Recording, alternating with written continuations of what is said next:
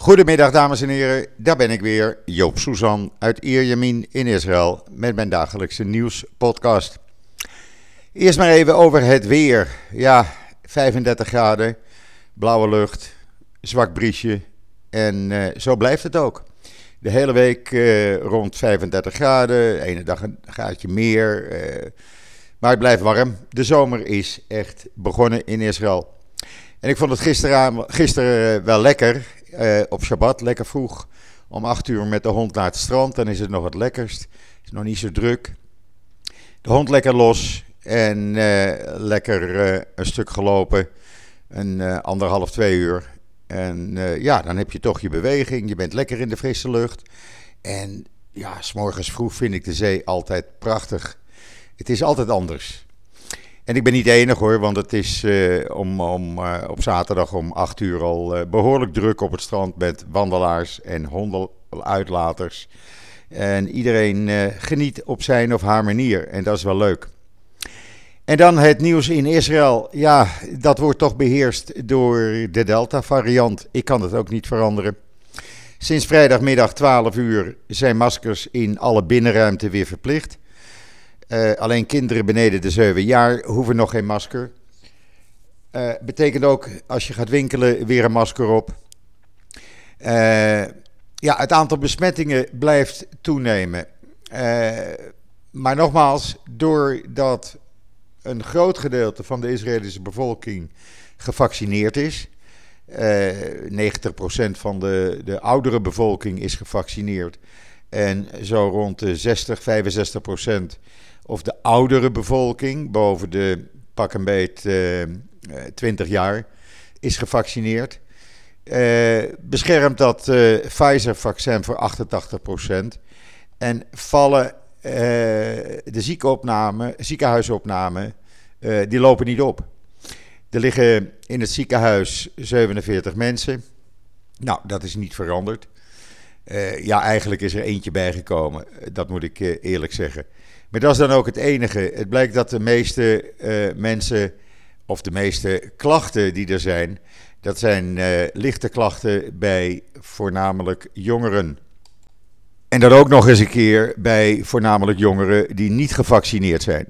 Vandaar ook uh, de oproep vandaag van premier Bennett aan het begin van de kabinetsvergadering, waarin hij zei van laat je vaccineren en draag een masker. Dat is de algehele tendens. Nou komt het coronaviruskabinet later vanmiddag nog wel bij elkaar. Maar of daar extra maatregelen uitkomen, er werd gesproken volgens de kranten over uh, maskers op straat. Nou, ik geloof daar niet in. In binnenruimte wel, maar op straat lijkt me dat uh, helemaal niet nodig. Uh, er komen geen beperkingen. Er zijn wel extra maatregelen tegen mensen die niet gevaccineerd zijn. Mogelijk dat die zich moeten laten testen als ze bijvoorbeeld een restaurant binnengaan of een evenement willen bezoeken. Eh, dat was eh, afgeschaft, omdat we slechts een aantal paar besmettingen per dag hadden. Dat was niet noemenswaardig. Nu staat dat op 0,6 procent. Dat is vrij hoog. De R-waarde staat boven de 1,5. Dat is ook hoog, want die hoort 0,8 te zijn. Even een slokje water. Uh, en men neemt strengere maatregelen op het vliegveld. Het blijkt namelijk dat uh, ja, de besmettingen toch vanuit het buitenland zijn meegenomen. En men uh, heeft nu extra maatregelen op het vliegveld genomen en gaat nog extra maatregelen afkondigen voor iedereen die het land binnenkomt. Ook de straffen voor mensen die zich niet aan uh, de quarantainemaatregelen houden indien ze in quarantaine moeten, die zijn strenger. Er zijn uh, ruim 250 politieagenten vrijgemaakt om het te controleren. De boete is uh, eh, 1250 euro per overtreding. We hebben nu 1157 uh, eh, actieve viruspatiënten in het land. Dat waren er twee weken geleden enige tientallen. Dus ja, dat is behoorlijk opgelopen. Maar nogmaals, ernstige gevallen zo zijn er eigenlijk niet. En de verwachting is dat die ook niet zullen komen, doordat ja, uh, men gevaccineerd is. Uh, de Delta-variant die uh, infecteert 50% sneller dan de originele coronavirus variant. Om het zo maar eens te zeggen. dus ja, vandaar dat men zoveel mogelijk jongeren, nu vanaf 12 jaar, ook oproept zich te laten vaccineren. Ik kan dat ook zien bij een van de ziekenfondsen tegenover waar ik woon, boven het winkelcentrum. Daar is het eh, de hele dag al een drukte van belang van uh, ouders met uh, kinderen die zich laten vaccineren. Ik zie dat omdat men in groepen buiten blijft zitten 15 minuten voordat je naar huis gaat. Dus ja, hoe dat verder gaat, voorlopig zal het nog wel door blijven gaan, is de verwachting. Tel Aviv is nu ook als geel aangemerkt in het uh, stoplichtenprogramma uh, van Israël. Naast Modi'in en een aantal andere plaatsen, Kwarsaba, ook rond Tel Aviv. En er wordt bijgezegd: vaccineren, vaccineren, vaccineren. Het werkt. Men weet ook inmiddels dat het AstraZeneca-vaccin tot slechts 60% maar beschermt. Dat heeft men hier uitgezocht. Uh, in tegenstelling dus tot Pfizer, wat 88, 90 procent uh, bescherming biedt. Ik denk dat je het moet zien als het griepvirus. We worden elk jaar ingeënt tegen de griep. En ja, dan kan je ook nog een lichte griep krijgen. Althans, ik krijg het regelmatig. Ook naar dat ik ben gevaccineerd tegen de griep. Of je krijgt een zware kou. Nou, dat is met dit dus ook zo. Het COVID-19 virus zal nooit weggaan. Het zal altijd blijven muteren. Daar zijn alle geleerden het hier over eens. En ik hou me vast aan wat de geleerden hier zeggen. Het is open. Ze worden op televisie geïnterviewd. Uh, we hebben drie nieuwszenders die alle drie weer andere experts interviewen. En iedereen zegt toch eigenlijk hetzelfde. Ook goed nieuws is dat in Israël onderzoek is gedaan naar uh, de effecten van vaccineren uh, met die mRNA-vaccins van Pfizer op uh, de vruchtbaarheid. En men heeft in eerste instantie 36 echtparen gecheckt. Die is men blijven volgen.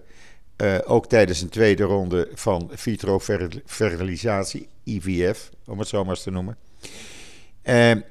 Die waren allemaal gevaccineerd en geen afwijkingen gevonden.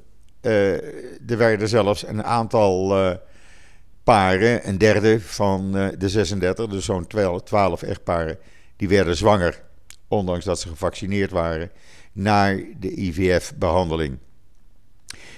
terwijl het gebruikelijkste slagingspercentage 25% is. Dus het was zelfs hoger. Nou wilde niet zeggen dat dit een waterdichte studie is. Het is een eerste studie geweest die zeer positief is. Uh, die is ook gepubliceerd. Uh, men gaat nu verder met een tweede studie. Uh, maar men zegt heel duidelijk: vaccineren heeft geen effect op de mannelijke of vrouwelijke vruchtbaarheid.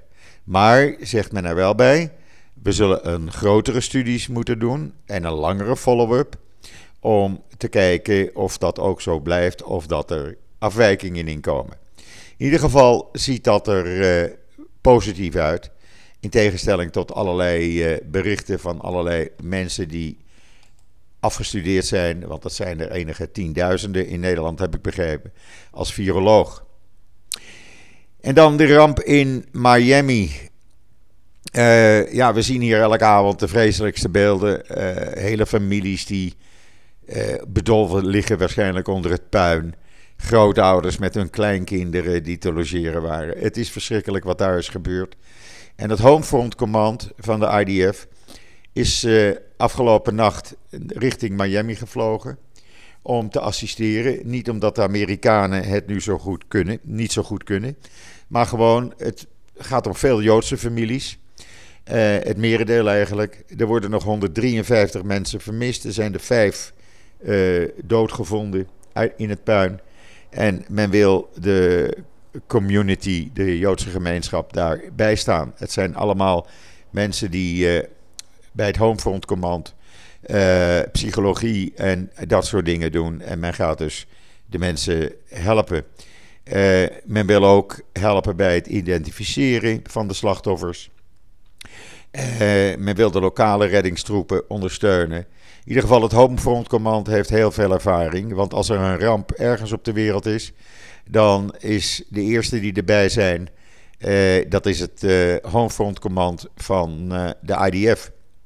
De hoop dat er nog overlevenden worden gevonden, nou, hij is minimaal. Ik denk het eigenlijk niet.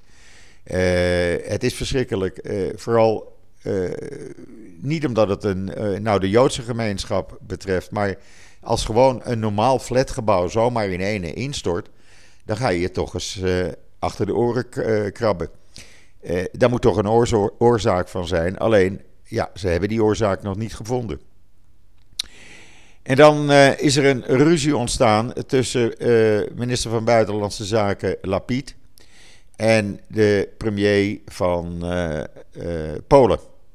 Want het Poolse parlement heeft een wetsvoorstel ingediend dat het vermogen van eisers om restitutie te vragen voor eigendommen die ze in Polen tijdens de Holocaust bezaten en die na de Holocaust waren afgenomen, daar uh, wordt geen restitutie meer voor gegeven.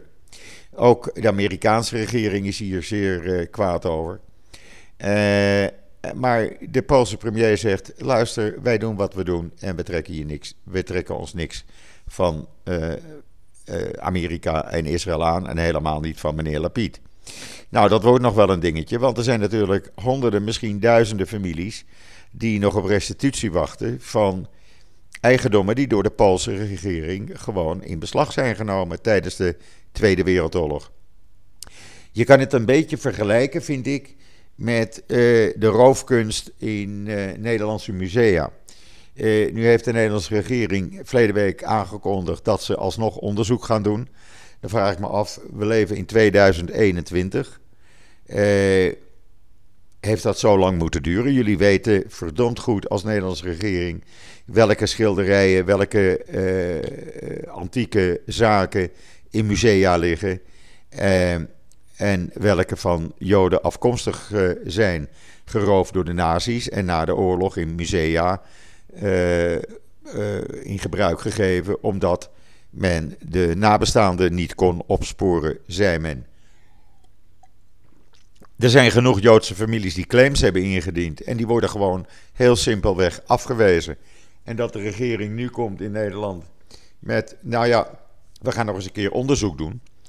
Uh, ik vraag me af waarom dat zo lang had moeten duren. Maar goed, laten we hopen dat uiteindelijk de, de, de kunstartikelen, om het zo maar eens te noemen, schilderijen en andere zaken, bij de rechtmatige eigenaren terugkomen. Leeft daar niemand meer van, dan gaat het naar de Joodse gemeenschap, werd er gezegd. En dan uh, zijn de zomerkampen van Hamas wel weer begonnen. U weet wel, de zomerkampen waar GroenLinks, SP, D66 en andere uh, liefhebbers van Hamas in Nederland zo blij en trots mee zijn. Kinderen worden daar uh, geleerd om kindsoldaat te worden. Ze worden getraind in terreuraanslagen. Ze worden getraind in, uh, ja, als militair te handelen. En dat zijn kinderen vanaf een jaar of tien. En niemand zegt daar wat over. Iedereen houdt zijn mond. Uh, de Hamas-liefhebbers in Nederland, die hoor je helemaal niet. Waar ze anders haantje de voorste zijn om Israël van alles en nog wat te beschuldigen, zeggen ze nu helemaal niets. Dat is net zoals Amnesty International, u kunt het op mijn timeline zien, die vanmorgen een uh, foto van twee politieagenten met een kind uh, publiceerde, zijnde van de Israëlische politie, terwijl de uniformen duidelijk Amerikaanse politieagenten waren. En dan vraag ik me af, ja, uh, waarom wordt dat gedaan? Nou, er moet maar één reden voor zijn. Israël in een kwaad daglicht stellen. En dat zie je dus bij GroenLinks eh, en de SP ook. En de andere partijen, politieke partijen, de Hamas-knuffelaars in Nederland. Zodra ze Israël maar eventjes in een kwaad daglicht kunnen stellen, zullen ze geen moment, uh, een seconde wachten. Uh, maar zodra kinderen, Palestijnse kinderen, worden misbruikt door Hamas en andere terreureenheden onder het mom van een zomerkamp, hoor je ze niet. En diezelfde kinderen die gaan dan over een jaar of vijf, zes, zeven aanslagen plegen. En uh, daar worden dan weer Joden het slachtoffer van. Maar de Nederlandse politiek, een en al stilte. Uh, ja, dat was het even wat ik uh, wilde zeggen. Ik ga straks nog even, zodra ik het persbericht binnen heb, komt het online wat het coronaviruskabinet heeft besloten. En kunt u dat op israelnieuws.nl uh, lezen en ook op mijn Twitter en Facebook pagina's. Voor de rest, nieuws uit Israël. U leest het als eerste op israelnieuws.nl. En dat doen, ik vind dat fantastisch. Duizenden mensen blijkt uit de dagelijkse statistieken. En daar ben ik echt uh, beren trots op, vind ik zomaar. Uh, rest mij u nog een hele fijne voortzetting van deze uh, zondag, de 27 juni, toe te wensen. Iedereen een hele fijne voetbalwedstrijd vanavond om 6 uur, 7 uur bij mij. Ik zit er klaar voor. Uh, als Nederland wint, heb ik begrepen, krijgen we vrijdagavond een hele mooie wedstrijd te zien tegen Denemarken. Ja, uh, dat wordt iets fantastisch. Dus laten we hopen dat Nederland gaat winnen. Dan hebben we vrijdagavond ook weer een fantastische avond. Uh, kijkt u niet, dan ook een hele fijne uh, avond toegewenst. Wat mij betreft, ik ben er morgen weer en zeg zoals altijd: tot ziens, tot morgen.